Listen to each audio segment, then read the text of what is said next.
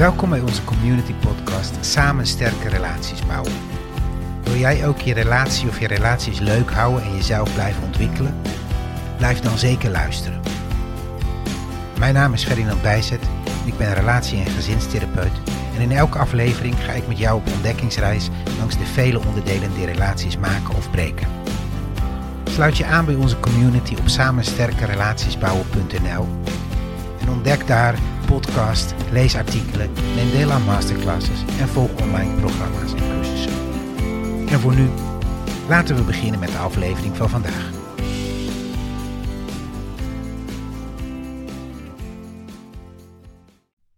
Verbeter je relatie zonder erover te praten. In deze podcast en de volgende podcast ga ik in op het thema het verbeteren van je relatie. En ik wil dat aanvliegen vanuit het thema kun je je relatie verbeteren zonder erover te praten. Een aantal jaren geleden las ik het boek How to Improve Your Marriage Without Talking van Patricia Love. En dat boek is ook de basis van deze podcast. Als het gaat over het verbeteren van je relatie, terwijl je er niet over praat, dan kan ik me voorstellen dat je dat nu al wat een raar thema vindt. Want mij is in ieder geval geleerd dat een goede relatie staat bij goede communicatie. En dat als het niet zo goed gaat met een relatie, wordt er vaak gezegd: we hebben een communicatieprobleem. En als ik dan in de praktijk naar de communicatie van mensen kijk die bij mij komen met een communicatie, een relatieprobleem, dan kan ik, en ik denk dat jullie als luisteraars het ook vaak kunnen zien, dat er in die communicatie een hele hoop fout gaat. En veel mensen hebben het idee dat ze dus beter moeten leren communiceren. In sommige methoden worden dan ook wel communicatieregels gebruikt. Toen ik ooit op de hogeschool zat, toen leerde ik luisteren, samenvatten en, en doorvragen, LSD. Uh, ik leerde hoe je feedback moest geven door, via de feedbackregels. En ergens heb ik dat altijd naast dat het ook wel strategieën zijn die je kunt gebruiken, ook een beetje gek gevonden. Want toen ik die dingen moest gaan leren, vond ik het ook altijd een beetje gekunsteld. Ik leerde op een manier praten waarvan ik mensen om me heen eigenlijk nooit met elkaar zo zag praten. dus, dus als je alles wat je hoort, als je daarnaar luistert, als je dat alles maar gaat samenvatten, dan, dan praat je op een manier die, die anderen eigenlijk niet doen. En als ik dan kijk naar mensen die het goed met elkaar kunnen vinden, dan zie ik ook dat dat soort mensen eigenlijk weinig samenvatten en weinig parafraseren. Goede vrienden die doen dat niet. En in goede vriendschappen, in goede relaties praten mensen door elkaar heen. Luisteren ze soms maar half. Maar mensen kunnen dat van elkaar hebben. En dan kun je dus afvragen, is de manier van communiceren, is dat het probleem? En zijn dan andere regels om te communiceren de oplossing? En wat ik merkte is dat alleen het aanleren van een betere communicatie meestal ook geen verbetering in de relatie bracht. Zelf ben ik al best wel snel afgestapt van het idee dat communicatie alleen het probleem is. Gebrekkige communicatie is mijn inziens niet het probleem, maar alleen maar een signaal van een verlies van iets anders. En toen ik dat boek How to Improve Your Marriage Without Talking ontdekte, sterkte dat mij alleen maar in het idee dat communicatie niet alleen, of niet alleen, hè, dat dat niet het probleem is, maar ook dus niet de sleutel tot de oplossing. De schrijfster Pat Love is heel duidelijk. Ze zegt: It's not about communication, it's about connection. Het gaat dus niet om communicatie, het gaat om verbinding.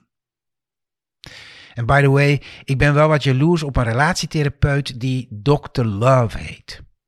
Therapie bij Dr. Love, dat klinkt toch heel wat lekkerder dan therapie bij bijzet. Het gaat dus volgens Love niet om de communicatie, maar om de verbinding. En daarover nadenken dacht ik, ja, ik ben dat met haar eens. Mensen die zich verbonden voelen, zullen minder last hebben van de gebrekkige communicatie van de ander. Daar is wel daar is ook onderzoek naar gedaan.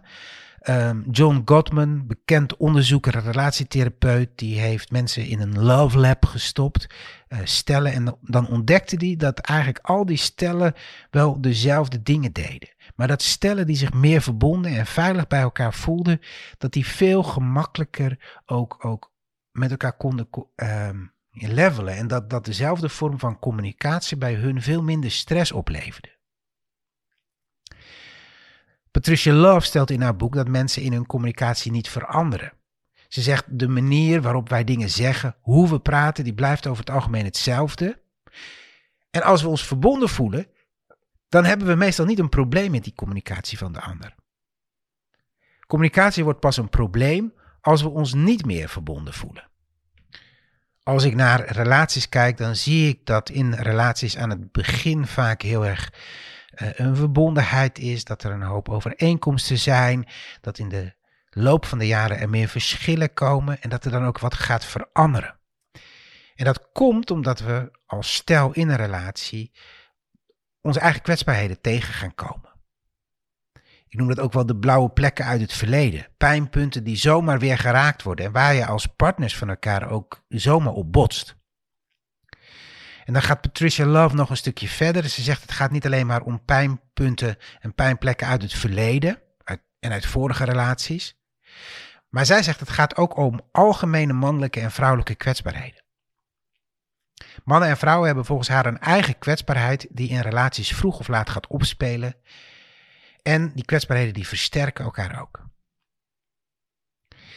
En die twee kwetsbaarheden die zij noemt, die zijn volgens haar voor vrouwen angst en de angst om alleen te zijn. En voor mannen schaamte en schaamte om het niet goed te doen. En nou zou je kunnen zeggen, ja maar vrouwen kennen ook schaamte en mannen kennen ook angst en dat klopt. Maar zij haalt in haar boek onderzoek aan dat laat zien dat vrouwen veel gevoeliger zijn voor angst. En dan met name in de relatie de angst om alleen gelaten te worden. En dat mannen veel gevoeliger zijn voor schaamte. En dan voor de schaamte het niet goed genoeg te doen en ook niet goed genoeg te zijn.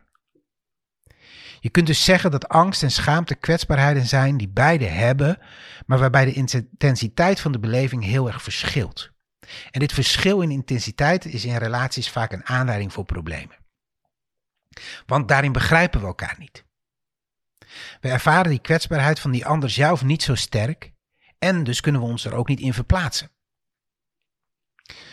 Wat Patricia Love beschrijft, klopt precies met wat ik in veel relaties tegenkom. Vrouwen zijn bang er alleen voor te komen te staan en ze reageren heel sterk op die angst om alleen gelaten te worden, alleen te zijn in de relatie. En veel mannen hebben daar over het algemeen niet zoveel last van. Veel mannen die ik tegenkom zijn gevoelig voor het niet goed doen en de schaamte die, zich dat, met, die, die dat met zich meebrengt. Ze voelen zich vaak tekortschieten en, die en horen de opmerkingen van hun partner al snel als kritiek en dan komen ze in schaamte terecht. Een schaamte die ze vaak met terugtrekken of verdedigen bestrijden. En veel vrouwen begrijpen dat weer niet. Want er is toch niks om je voor te schamen. En vaak ontstaat er in een relatie dan een soort cirkel. Zij is bang er alleen voor te staan, ze uit die angst, maar hij hoort dat hij tekortschiet en komt in schaamte terecht. Of hij trekt zich terug hij verdedigt zich en zij voelt zich daardoor alleen maar meer er alleen voor staan en komt in haar angst terecht. Het is een cyclus die door een andere schrijver, Emerson Emmerich, ook wel de cirkel van waanzin genoemd is. En dan is eigenlijk altijd de vraag: en hoe kom je nou uit die cirkel? Is praten, is communiceren dan de weg? En daar wil ik in de komende podcast meer bij stilstaan concluderend wil ik aan het eind van deze podcast de luisteraars eigenlijk twee vragen meegeven.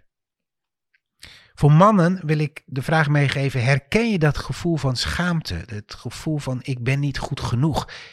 En, en, en de vervelende gevoelens die daaromheen hangen. En voor vrouwen de vraag: herken je je in de angst om er alleen voor te staan?